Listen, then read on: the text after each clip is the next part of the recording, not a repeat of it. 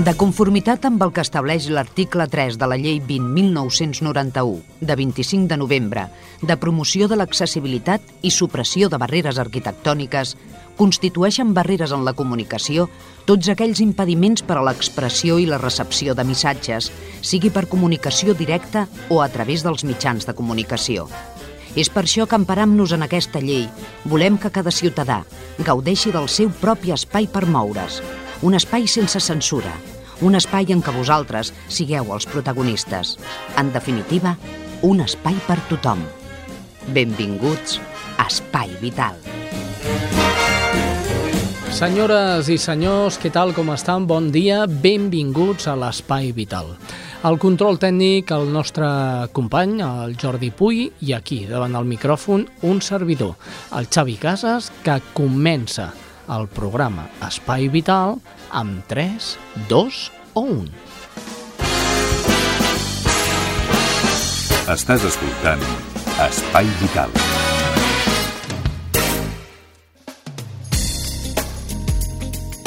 I per l'espai vital eh, d'avui començarem amb un nou espai, és el Fem Salut, un espai que condueix una noia, ja veureu quina veu més maca té, i eh, ens parla ella a través d'una entrevista de l'infart de miocardi.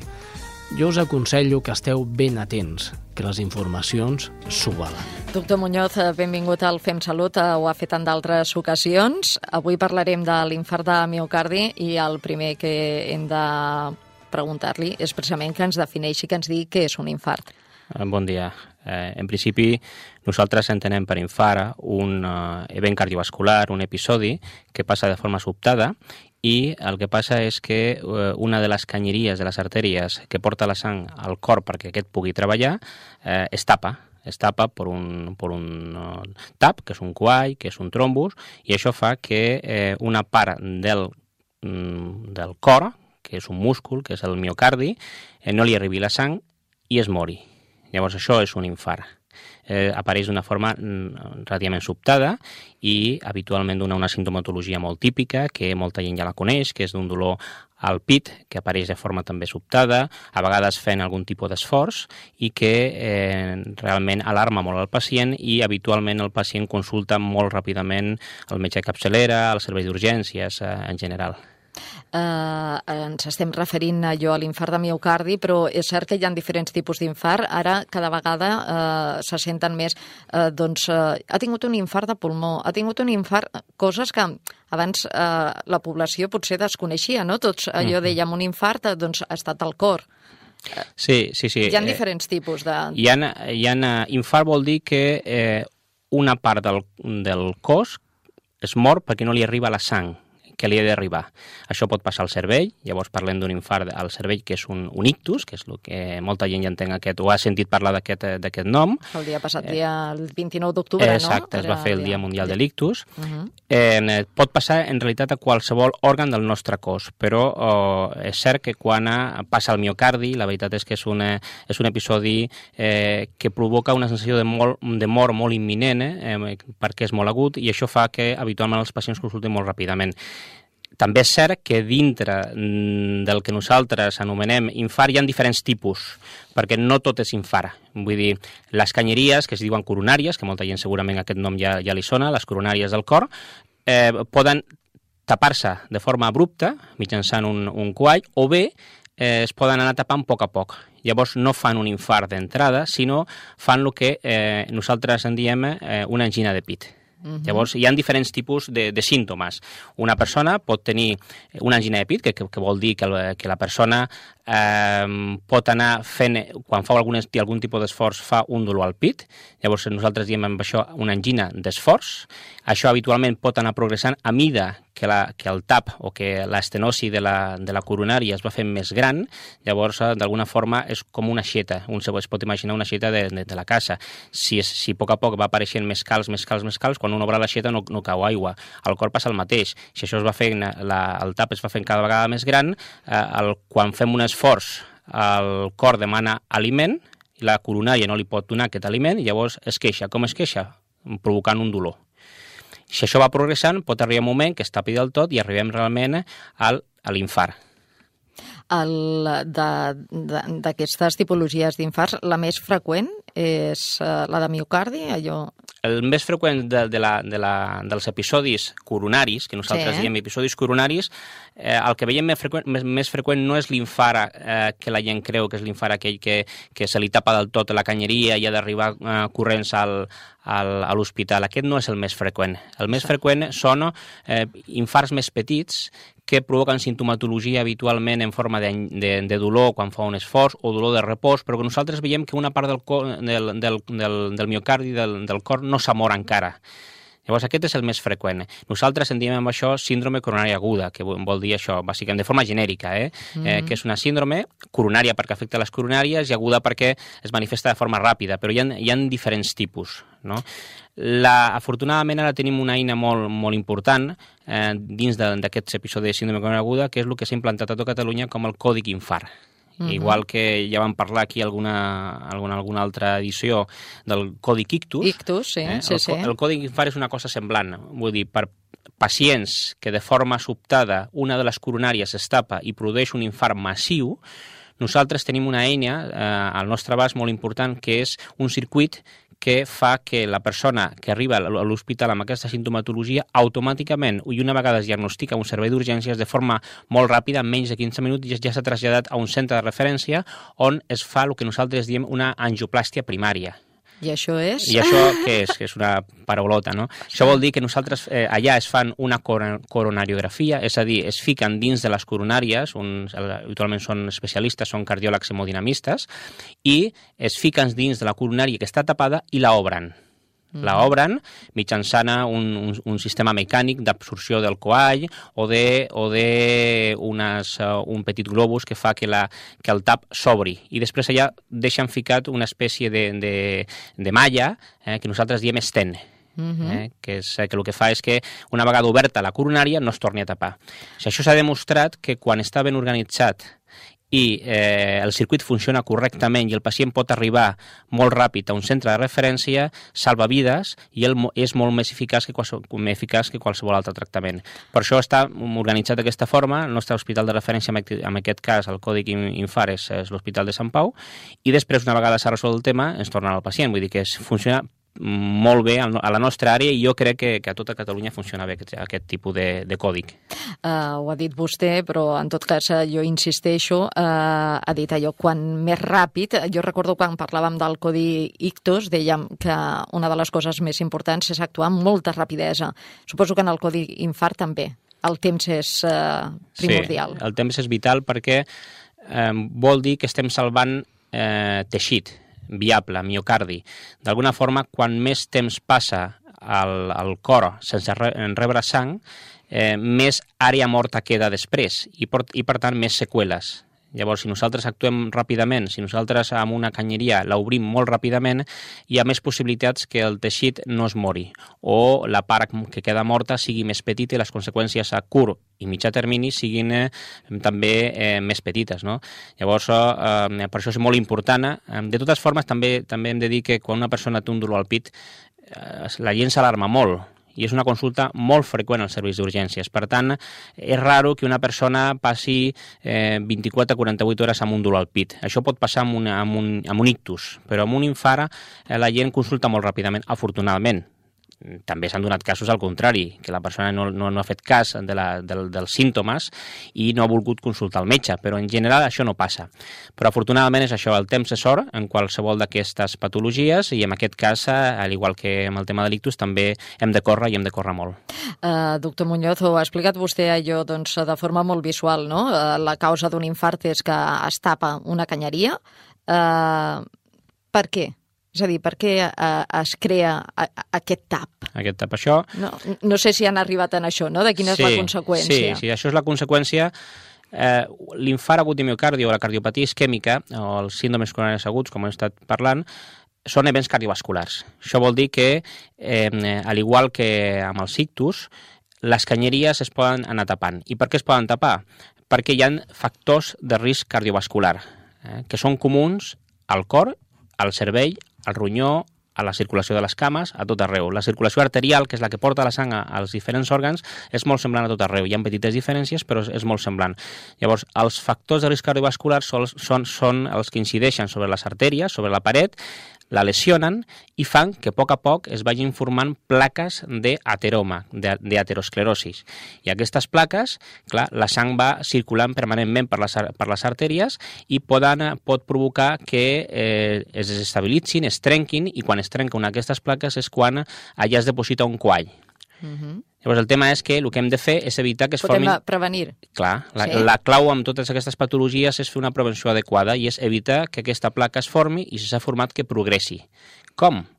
Incidint sobre els diferents factors de risc cardiovasculars. Quins són? És la següent pregunta. Ah, exacte, sí, sí, s'ho sí. està fent vostè mateix, doncs fantàstic, no, una cosa no, més fàcil. Sí, sí. Sí, que ens, sí. que ens podem fer? Pues, bàsicament són... Jo és que ja sé que sortirà el tema del colesterol. Sí, Perquè sortirà. al mig. Clar, el colesterol és, eh, amb, amb la cardiopatia isquèmica és bàsic, és fonamental. És, és a dir, el... això de les plaques d'ateroma vindria a ser això, el colesterol, el que familiarment sí. Eh, doncs, la gent diu és que m'han dit allò que tinc el colesterol molt alt. Correcte. Hi ha diferents tipus de colesterol. Nosaltres, per simplificar molt, diem que hi ha un colesterol dolent sí. i un colesterol bo per simplificar-ho, també diem que el, que el dolent és el que porta el greix a les artèries i el bo és el que treu el greix de les artèries. Fa un, com si fos un sistema de neteja, no? Llavors, el, el dolent és el que a poc a poc es va depositant a la paret de la, de la canyeria, a la paret de l'artèria, de la coronària, i a poc a poc es va formant aquesta placa eh, que, que va creixent i va tapant la, la canyeria, la coronària és un dels factors. Amb la cardiopatia isquèmica s'ha vist que és un dels més importants, la hipercolesterolèmia. Hi ha d'altres, el tabaquisme. El tabaquisme també és molt important i s'ha de deixar de fumar, evidentment. Hi ha altres, que és la, la, la hipertensió arterial, que hem parlat altres vegades. La hipertensió és un factor de risc més important per, per la malaltia mm, vascular del cervell, per l'ictus, però també és important amb l'infart agut de miocardi, amb la cardiopatia isquèmica. Altres, eh, l'obesitat, el sedentarisme, la diabetis, Eh, bàsicament aquests són els més importants i els que són modificables, perquè hi ha altres que no es poden modificar, eh, com són el tenir antecedents familiars, això no es pot modificar perquè és la base genètica de cada família. Eh, el ser home, el ser home és un factor de risc per si mateix i això no ho podem modificar, evidentment, però hi ha una sèrie de, de factors de risc que són perfectament modificables i sobre els que hem d'incidir tant els metges de capçalera com els metges eh, d'hospital per intentar no arribar tard, perquè quan s'ha produït un infart hem arribat tard. I llavors, eh, davant tots aquests eh, factors eh, de risc que diu, hi ha alguns que són modificables, eh, ho són en qualsevol moment? És a dir, una persona pot ser hipertensa, llavors eh, ha de prendre doncs, unes mesures, no? Eh, en qualsevol moment estem a temps de, de, sí. Sí? Sí, sí. de frenar-ho? Sí, Sí, sí, és cert que, que és així. No arribem, a veure, arribem tard. L'ideal és fer el que nosaltres diem una prevenció primària, és a dir, que eh, tractant aquests factors de risc una persona mai desenvolupi un episodi cardiovascular, un infart en aquest cas agut de miocardi. Mai el desenvolupi, controlant adequadament la pressió arterial, mm, evitant que el colesterol pugi, evitant l'obesitat, evitant el sedentarisme, fent una dieta equilibrada, que és la dieta mediterrània que nosaltres tenim. Això són eh, les eines bàsiques que tenim per evitar la malaltia ateromatosa, per evitar eh, la malaltia cardiovascular i per evitar que es produeixi un, uh, un event d'aquest tipus. Ara, és cert que una vegada que s'ha produït arribem tard, però això no vol dir que no hi hagi feina que fer, perquè després hem de fer el que nosaltres diem una prevenció secundària, és a dir, evitar que aquell pacient torni a tenir un altre episodi a qualsevol lloc, perquè és cert que moltes vegades diem no, ja no tornaré a tenir un infart, no, però pot tenir un ictus, pot tenir una malaltia de la circulació a les cames molt greu que, que pugui conduir a l'amputació d'una cama. Per això és molt important actuar amb tots aquests factors eh, de risc, tant eh, quan el pacient no, la persona no ha tingut cap malaltia i per tant no és pacient encara, com quan ja s'ha convertit en un pacient, llavors hem d'incidir i encara hem de ser molt més estrictes en el control de tots aquests factors de risc.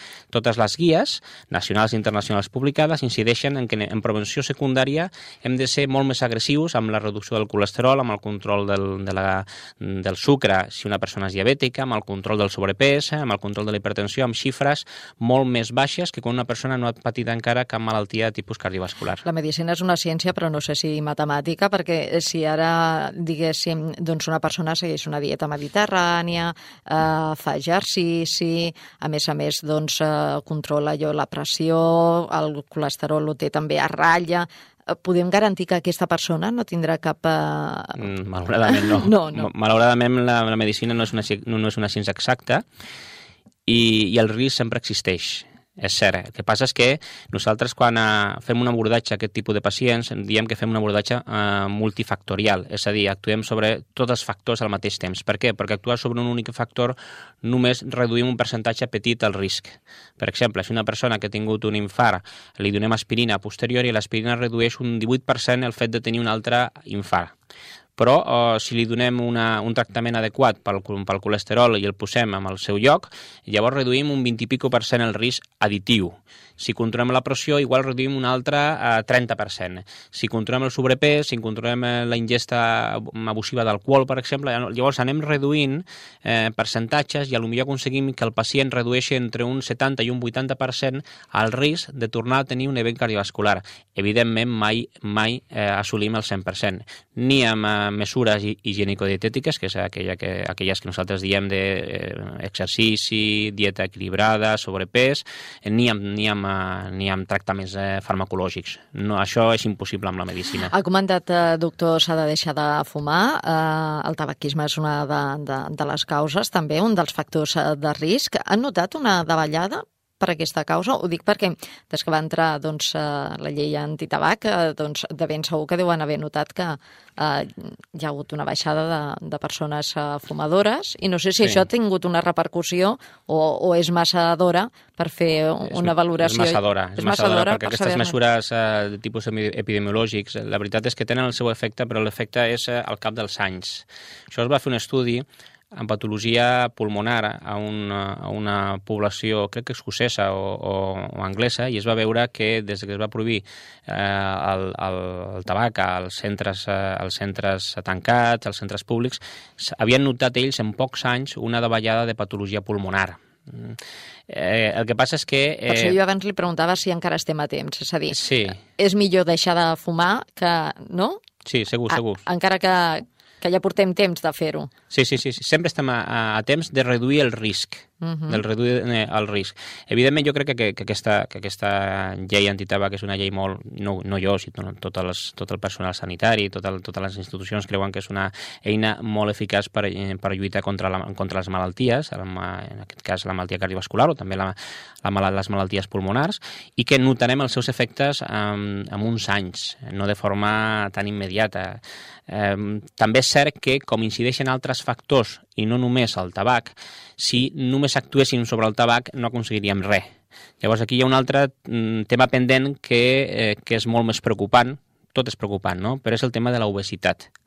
Espanya actualment és el país de la, de la Unió Europea amb més obesitat infantil segons les estadístiques eh, de la Unió Europea, amb més obesitat infantil. Malgrat que, en teoria, nosaltres tenim la dieta eh, mediterrània, que és la dieta ideal eh, que pot garantir, diguem, una eh, millor eh, alimentació de cara a prevenir aquest, aquest tipus de malalties. Com s'explica això, doncs? Perquè s'estan americanitzant, eh? perquè la, la gent jove eh, no fa la dieta que fan els pares o que feien els seus avis. Eh, la dieta mediterrània és una dieta molt bona, però s'està perdent. S'està perdent. Eh, per una altra banda, la gent no fa exercici, o fa poc exercici.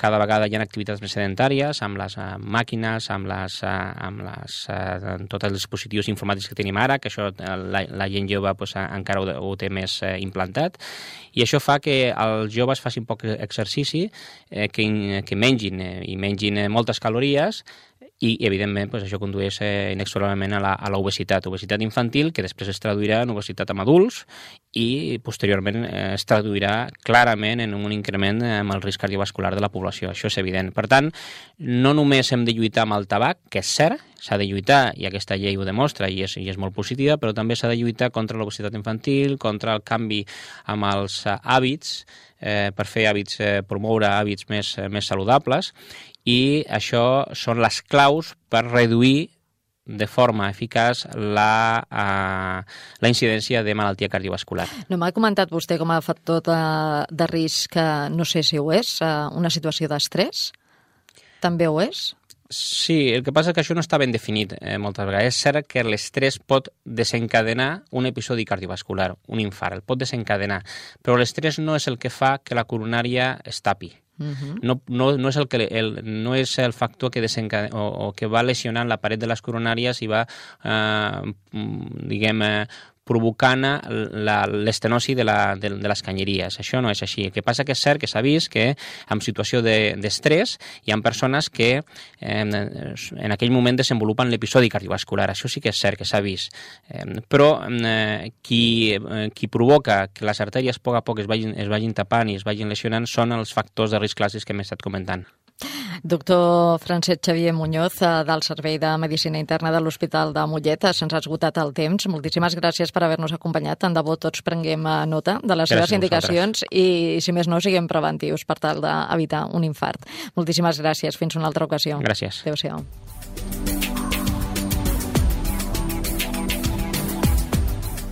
Què passaria si mengessis només una vegada? Que al cap de poques hores començaries a sentir fatiga i mareig, Després et baixaria la pressió i la temperatura corporal. Et sentiries molt feble i perdries el coneixement. Què passa si dones sang només una vegada? Que al cap de pocs dies ens comencen a faltar glòbuls vermells. Després baixen les nostres reserves per fer transfusions. Tot seguit comencem a trobar que ens manquen plaquetes. Així no podem ajudar els malalts de càncer, ni podem atendre emergències. Necessitem que tornis a donar sang, com tu necessites tornar a menjar. Amb una vegada no n'hi ha prou. Vine a donar. Banc de sang. A més de la cura de la seva àvia, la Yamuna necessitarà atenció mèdica, educació i una alimentació bàsica. Apadrinar o ignorar. Tu esculls. Apadrinar un nen o una nena a la Fundació Vicente Ferrer significa donar suport a tota la seva comunitat. Uneix-te a la Fundació Vicente Ferrer i participa en el canvi. Entra a tuescoges.org i informa-te'n. Saps llegir, ells no. Podem canviar-ho. Truca a Mans Unides 93 487 78 78. Units treballarem per a donar una educació completa als nens sense escolaritzar que hi ha al món. Mans Unides 93 487 78 78.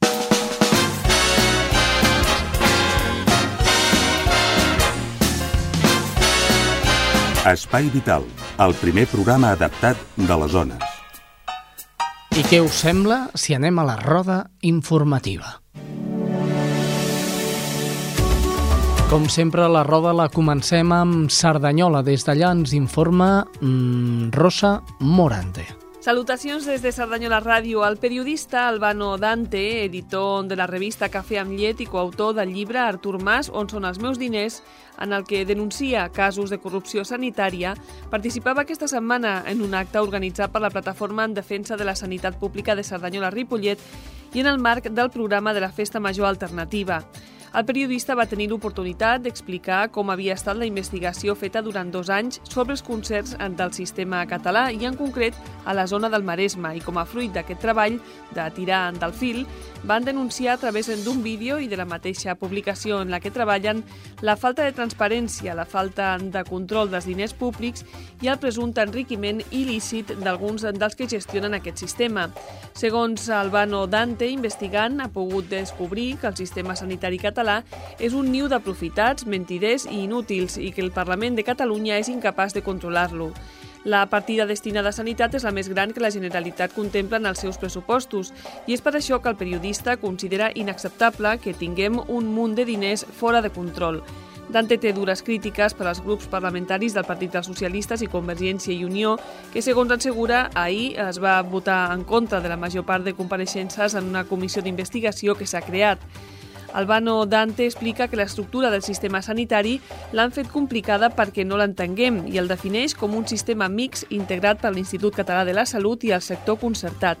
Assistencialment i pel que fa a l'accessibilitat no hi ha grans diferències, però segons el periodista, si a l'ICS és difícil saber en què es gasten els diners del ciutadà, a la concertada és impossible. Aquest és precisament una de les principals conclusions de la seva investigació que es pot trobar al llibre publicat. El llibre és, segons Dante, la representació de la solidaritat ciutadana perquè el vídeo elaborat per aquest periodista juntament amb Marta Sibina els hi va suposar una denúncia i una multa de 10.000 euros. La societat civil, però, els hi va fer costat amb una col·lecta que els autors no la van voler aprofitar per pagar, sinó tot el contrari, per editar un llibre i continuar denunciant els casos de presumpta corrupció. Per Albano Dante, el model de la sanitat catalana requereix d'un munt de millores, ja que diu el que fan amb els diners públics és un desastre i això passa, explica, perquè el sistema no és suficientment públic. Segons Dante, molta gent ha tingut en els darrers 30 anys molts diners al seu abast, a la seva disposició, i ha hagut una estructura que si ells s'emportaven diners no hi havia manera de poder atrapar-los. Dante creu que la suma de fa força i en aquest sentit convida la ciutadania a treballar a favor de la sanitat pública i a continuar tirant del fil perquè aquest sistema explica que han destapat el Maresme es destapi també a altres indrets. I de moment això és tot des de Cerdanyola Ràdio. Fins la setmana vinent. Gràcies, Rosa Morante, Cerdanyola Ràdio i de Cerdanyola cap a Ripollet. A Ripollet, la persona encarregada de passar-nos a la crònica avui és la Franzina Ricard. Una salutació als amics i amigues de l'Espai Vital. Una desena de famílies de Ripollet, usuàries de l'Escola d'Educació Especial Geroni de Moragues de Cerdanyola, es van manifestar aquest dilluns juntament amb la resta d'alumnes del centre davant la Delegació Vallesana d'Ensenyament. El motiu de la protesta és el temor a perdre les ajudes de menjador i transport a causa de les noves retallades que comportarien una despesa d'uns 250 euros per infant. L'Escola Moragues és el centre d'educació especial de referència de la zona per a nens amb discapacitat intel·lectual i compta amb 69 alumnes de diferents poblacions del Vallès Occidental. De Ripollet en són 14, la majoria pertanyents també a l'associació APADIR del nostre municipi. I això és tot des de Ripollet. Bona tarda. Bona tarda, Francina, i de Ripollet cap a Moncada. Des de Moncada ens informa Sílvia Díaz. Hola, salutacions des de Montcada l'Espai Vital. L'associació Sinteta Sai Paraíso s'ha constituït oficialment com a entitat al registre de Montcada i Reixac. El col·lectiu neix amb l'objectiu d'ajudar i assessorar les dones afectades per càncer de pit i ja ha participat en algunes activitats coincidint amb el Dia Internacional d'aquesta malaltia i el passat 23 d'abril es van donar a conèixer entre la ciutadania amb una paradeta a la Fira del Llibre. L'associació la formen dones que han viscut en primera persona el que suposa afrontar aquesta patologia, els danys col·laterals del seu tractament i les seqüeles psicològiques d'una malaltia que té un percentatge elevat de curació gràcies als avenços mèdics si es detecta de forma precoç. El nom de l'entitat és similar al títol de la coneguda sèrie de televisió Sintetes no hay paraíso. Les impulsores del projecte asseguren que aquesta denominació pretén donar una imatge moderna i alegre, ja que no volien un nom típic d'associació. L'entitat també vol reivindicar a les administracions una mica més de sensibilitat perquè les dones afectades es puguin reincorporar al món laboral de forma progressiva, ja que després de passar per una operació d'aquest tipus, la musculatura queda afectada i el cos es cansa més de l'habitual. Doncs bé, això és tot. Fins la setmana vinent. Fins la setmana vinent, Sílvia, i de Montcada cap a Barberà. Des d'allà ens informa Judit González. Salutacions de Ràdio Barberà. Durant tres dies, concretament el passat cap de setmana, la Junta Local de Barberà del Vallès de l'Associació Espanyola contra el Càncer va instal·lar diverses paradetes per la ciutat per tal de recollir diners per col·laborar i continuar lluitant contra la malaltia. Les diferents parades es trobaven situades al Mercat Municipal 11 de setembre, al Centre Comercial Baricentro i a la plaça de la Vila de la nostra ciutat. Cal destacar que la Junta Local de Barberà ja ha organitzat diversos cops aquesta col·lecta amb l'objectiu de recollir fons que aniran destinats al desenvolupament dels seus programes d'ajuda psicològica i de suports als malalts de càncer i familiars, així com a la investigació de la malaltia, entre d'altres activitats en què l'Associació Espanyola contra el Càncer està treballant. Fins la setmana vinent. Fins la setmana vinent, Judit, i de Barberà cap a Santa Perpètua. Des d'allà ens informa Estrella Núñez. Hola, salutacions des de Santa Perpètua. La Junta Local de l'Associació Espanyola contra el Càncer va recollir 2.432 euros en el sopar solidari que l'entitat va celebrar el mes d'abril, diners que ja ha lliurat a l'Associació Espanyola contra el Càncer. Un total de 140 persones van participar a l'acte que es va desenvolupar al Centre Cívic al Vapor, com us vam explicar unes setmanes enrere. L'entitat s'ha mostrat molt satisfeta i ha destacat que Santa Perpètua és un municipi molt solidari i que vol agrair la seva col·laboració a tothom que ha participat. Empreses, comerços, artistes locals i donatius anònims. Així doncs, la Junta del Càncer ha recollit 2.432 euros en un sopar solidari que va fer per la lluita contra el càncer i per estimular diners que ha dedicat a l'estimulació i a la investigació d'aquesta malaltia. Des de Santa Perpètua, això és tot. Fins la setmana vinent. Fins la setmana vinent, Estrella, i de Santa Perpètua cap a Sabadell. Des d'allà ens informa Karen Madrid. Aquesta és la última de les cròniques d'avui. Salutacions des de Sabadell. El taulí ha provat amb èxit una nova tècnica per aturar hemorràgies digestives en una quarantena de pacients. Es tracta d'un spray que s'ha anomenat Hemospray, que s'aplica directament a la zona d'on prové l'hemorràgia a través d'un catèter. Això permet que algunes lesions es puguin controlar millor que amb les tècniques clàssiques, sobretot en els casos que el sagnat és més difús. A més, l'aplicació és molt més senzilla, de manera que pot facilitar l'actuació en casos d'urgència. De moment, la unitat Unitat Endoscòpica Digestiva ja ha plantejat ensenyar a diferents professionals d'altres centres espanyols i portuguesos aquesta tècnica per tal de generalitzar-ne l'ús a mig termini. La tècnica va començar a la indústria militar nord-americana i l'Hospital de Sabadell és el primer centre del país que l'aplica. És tot des de Sabadell. Fa uns dies m'agradava la meva veïna. Ara, també. Fa uns dies em costava arribar a fi de mes. Ara també. Fa uns dies m'encantava anar al cine. Ara també. Fa uns dies em van diagnosticar un trastorn bipolar. Fa un segon, jo era la mateixa persona que ara, però tu potser ja no em veus igual. Per la salut mental, no a la discriminació. Sí a les persones. Obertament.org A casa hem acollit l'Òscar fa un mes. Ara viu amb nosaltres. No sé fins quan es quedarà. Mai no havia vist ningú que li agradés tant els macarrons. Crec que els seus pares passen un mal moment, però se'l veu content. Amb els acolliments familiars de Creu Roja, la teva família pot ser, durant un temps, la d'un nen o una nena. Suma-la a la teva vida. Acolliments familiars de Creu Roja. Truca al 93 300 65 65. Amb l'acolliment, tothom guanya. Cada 5 segons algú es queda sec al món. Cada minut, un nen. El 75% d'aquesta ceguesa es pot prevenir o curar. La Fundació Ulls del Món lluita contra la ceguesa evitable en territoris sense recursos. Ajuda'ns a fer arribar a més ulls el dret a la visió. Ulls del Món.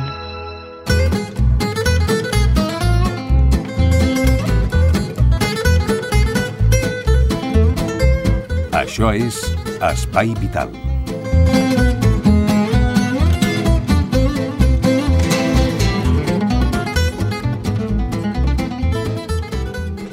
El ictus es un conjunto de enfermedades que afectan a los vasos sanguíneos que suministran sangre al cerebro.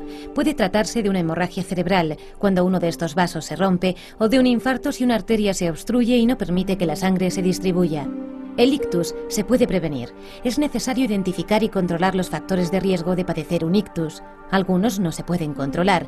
La edad es más frecuente en personas mayores de 65 años, aunque también se afectan personas más jóvenes, los antecedentes familiares, la raza o el sexo. Este es un trastorno más frecuente en edades más avanzadas y por ello, al aumentar la esperanza de vida de la población, cada vez será un trastorno más frecuente en nuestro medio, pero además también se produce en personas jóvenes y la incidencia en sujetos por debajo de 55 años aumenta debido a la prevalencia de los factores de riesgo. El cerebro es el órgano humano que consume mayores cantidades de oxígeno y de glucosa. Necesita una quinta parte de la sangre que sale del corazón, un litro cada minuto, para su normal funcionamiento. Esto explica que el sistema nervioso sea un tejido muy sensible a las alteraciones del aporte de sangre. El ictus se produce cuando un vaso sanguíneo que lleva sangre al cerebro se rompe o bien es taponado por un coágulo u otra partícula. Debido a ello, parte del cerebro no consigue el flujo de sangre que necesita. Como consecuencia de un ictus, las células nerviosas se dañan y no pueden funcionar. Por ello es muy importante que se apliquen las medidas necesarias para el tratamiento de manera urgente. La rapidez con que se traslade al paciente al hospital y la atención especializada y urgente por un neurólogo para completar el diagnóstico e iniciar el tratamiento más adecuado permite recuperar el tejido cerebral lesionado y favorece que el paciente quede sin ninguna incapacidad o con muy pocas secuelas. El ictus se puede prevenir.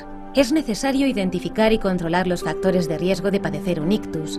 De estos los más importantes son tabaquismo, consumo excesivo de alcohol, hipertensión arterial, diabetes, colesterol en sangre elevado, obesidad, vida sedentaria, dietas con exceso de sal o grasas, enfermedades del corazón como infarto o angina y algunas arritmias. Además, los antecedentes de otras enfermedades de los vasos sanguíneos, angina de pecho infarto de miocardio, arteriosclerosis de los vasos sanguíneos de las piernas o de las arterias carótidas, pueden servir para que su médico le identifique como un paciente de riesgo y le ponga el mejor tratamiento preventivo. Para poder actuar de forma eficaz ante un ictus, es importante que todas las personas conozcan los síntomas de alarma que permitirán identificar que alguien está padeciendo este proceso para poder acudir rápidamente a los servicios médicos que le ofrecerán la atención neurológica y el tratamiento adecuado. Los síntomas de un ictus aparecen bruscamente. En cada caso dependerán de la zona del cerebro dañada por la alteración del flujo de sangre y pueden ser muy variados. Sin embargo, en la mayor parte de los casos consistirán en uno o varios de los siguientes. Trastorno brusco de la sensibilidad en la cara, el brazo o la pierna, especialmente en un lado del cuerpo. Debilidad repentina en la cara, el brazo o la pierna, especialmente en un lado del cuerpo dificultades para hablar o para comprender lo que se habla, trastorno repentino de la visión en uno o en los dos ojos, dificultad para caminar, pérdida de equilibrio o de coordinación de los movimientos, dolor de cabeza muy intenso, brusco y no habitual. Si el paciente o sus familiares sospechan que se está experimentando cualquiera de estos síntomas, debe acudir al hospital más próximo para recibir atención neurológica, aunque los síntomas remitan por completo. El hecho de que se hayan presentado indica un riesgo elevado de que el cuadro se repita y se instaure de manera permanente. Tipos de ictus. Los ictus isquémicos o infartos cerebrales son más frecuentes que las hemorragias pueden originarse por la obstrucción de una arteria del cuello o de la cabeza como consecuencia del depósito de grasa e inflamación en la pared del vaso sanguíneo, dando lugar a la arteriosclerosis.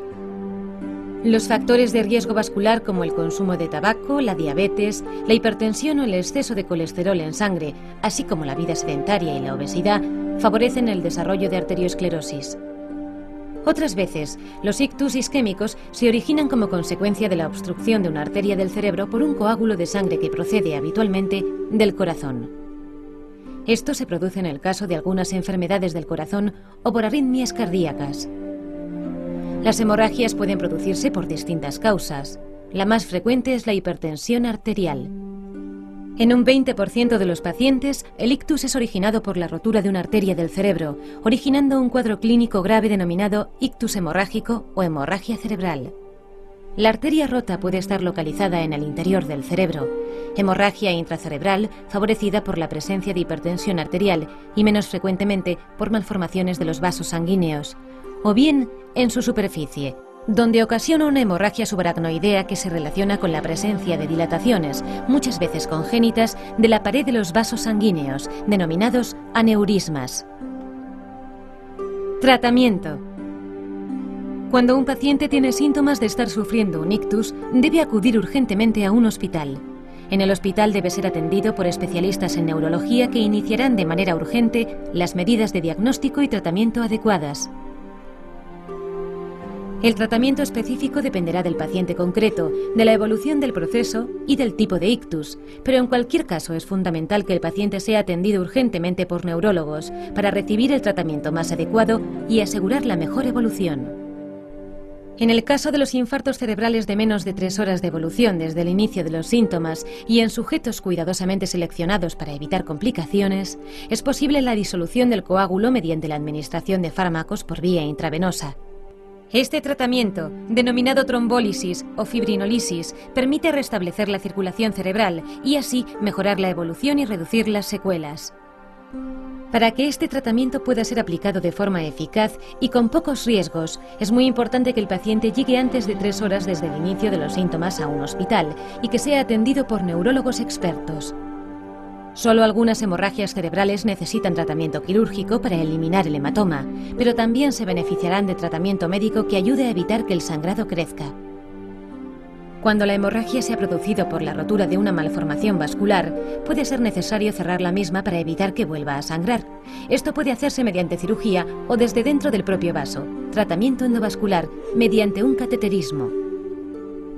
En todos los casos se recomienda el manejo por neurólogos expertos en unidades especializadas denominadas unidades de ictus. En ellas se aplican medidas de diagnósticos, cuidados generales, tratamiento específico y control de complicaciones que permiten asegurar la mejor evolución para los pacientes. Una vez superada la fase aguda, los cuidados del paciente deben ir dirigidos a prevenir nuevos episodios y a rehabilitar las discapacidades residuales. La prevención dependerá del tipo de ictus y de su causa, el neurólogo indicará el tratamiento para controlar los factores de riesgo, así como fármacos para evitar la formación de las placas de arteriosclerosis o de nuevos coágulos, antiagregantes, anticoagulantes, fármacos para el colesterol, el azúcar o la hipertensión, así como el tratamiento más adecuado de la arteriosclerosis ya formada.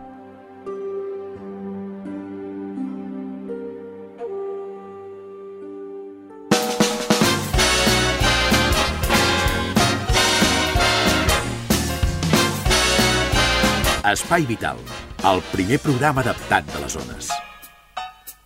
A les acaballes de l'Espai Vital, que us sembla si escoltem el capítol 19 del Mont Groc, un llibre d'Albert Espinosa, traslladat a ràdio de la veu de Carlos Soler. Ara, al Mont Groc. A continuació us oferim El món groc, una obra d'Albert Espinosa, versió radiofònica produïda per l'associació Espai Vital. Dissetè descobriment. Hiverna 20 minuts. Hi ha frases a l'hospital que se senten fins a la sacietat. Acaben formant part d'un mateix, com si es posessin de moda. És una mica semblant al que passa quan una frase es fa famosa en un programa de televisió i la gent no es pot estar de repetir-la. Bé, doncs, al món hospitalari passa una mica el mateix. Aquesta n'és una. No et belluguis, respira, no respiris. És la que sents més quan et fan un tac o una radiografia necessiten que t'estiguis quiet, que no et belluguis perquè tot surti al seu lloc. El temps d'immobilitat oscil·la entre els 15 i els 75 minuts. I, per tant, t'has de carregar de moltíssima paciència per gaudir d'aquests moments. Te'ls has de prendre com a estones de pau interior. Sens dubte, per gaudir del càncer, has de gaudir d'aquests temps morts ja que són la base de tot plegat quan tens aquesta malaltia. Això és el més dur, no fer res. Estar quiet, encara que per dins tinguis ganes de tocar el dos, de volar, de jugar, de treballar. Això és el que has de controlar. Això és el que costa més d'acceptar. Estar sol a la sala, ja que ningú el vol irradiar. I jo? Què em vull irradiar, jo? Sempre em feia aquesta pregunta quan tots se n'anaven. Però no es tracta només d'estar-se quiet, sinó també d'estar en silenci. I per si tot plegat fos poc, no solament t'has d'administrar el silenci, sinó també la respiració. Molt silenci, molta quietud i molta respiració controlada. Sense saber-ho, cada vegada que em feia una radiografia entrava en contacte amb el meu jo interior. Era com un acte de recerca, un retrobament, un autoexamen, un lloc estrany que em feia sentir millor. Sortia de la radiografia com millorat. Per això, quan em vaig curar, vaig continuar fent servir aquest mètode. Cada mes intento dedicar un dia a fer-me una radiografia. No tinc aparells de raigs X a casa, però no calen per estudiar-te per dins. Escolteu. 1. M'estiro al llit, tanco les portes, apago els mòbils i m'estic quiet, molt quiet. 2. Mentalment em repeteixo la frase del hit parody. No et belluguis, respira, no respiris. 3. Ho faig durant 20 minuts. Em prohibeixo qualsevol altra activitat que no sigui pensar a no bellugar-me i racionar l'aire que respiro. I 4. Màgicament, quan s'acaba aquest moment de no fer res, aconsegueixo resoldre qüestions rovellades, retrobo sentiments que semblaven perduts i crec, després ho he de comprovar, tenir la solució per a totes les coses. Potser sembla meditació, però en realitat només és estar-se quiet. Tot aniria millor en aquest món si ens estiguéssim una estona quiets, però molt quiets. Hibernacions de 20 minuts. Estàs escoltant Espai Vital. I per últim hi ha la cuina de Conxita Naudi. Sabeu que és cuina adaptada i avui ens porta un plat exquisit. Mm, anem a qui ens l'expliqui ella. Goodbye, Joe. He gotta go, me oh my oh. He gotta go. Hola, amics d'Espai Vital. Avui us faig uns xampinyons farcits. Son of a gun will head me for all the bio. All to the place is buzzing. Ingredients. 8 xampinyons. 250 grams de pernil serrà. 8 ous. 3 grans d'all, julivert, julivert picadet, formatge ratllat, sal i oli d'oliva. For tonight I'm gonna free jar and Per la preparació, primer de tot rentarem els xampinyons, els buidarem i tallarem les cues en trossets. Agafarem una paella, fregirem els trossets amb oli d'oliva, junt amb els alls picats. I quan estiguin dorats, hi afegirem el pernil a trossets i el julivert. Li donem una remenada, apaguem el foc i hi retirem.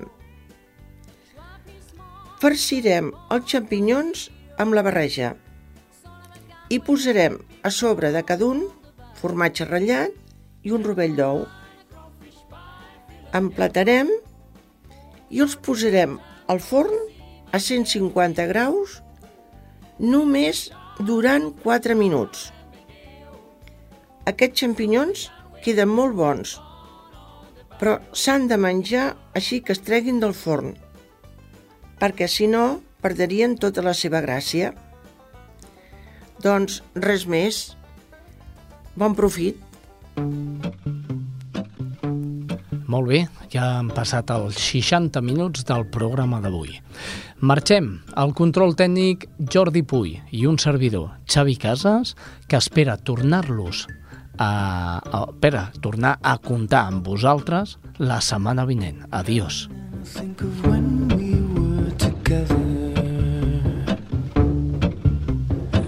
Like when you said you felt so happy you could die. Myself that you were right for me, but felt so lonely in your company. But that was love and to make us still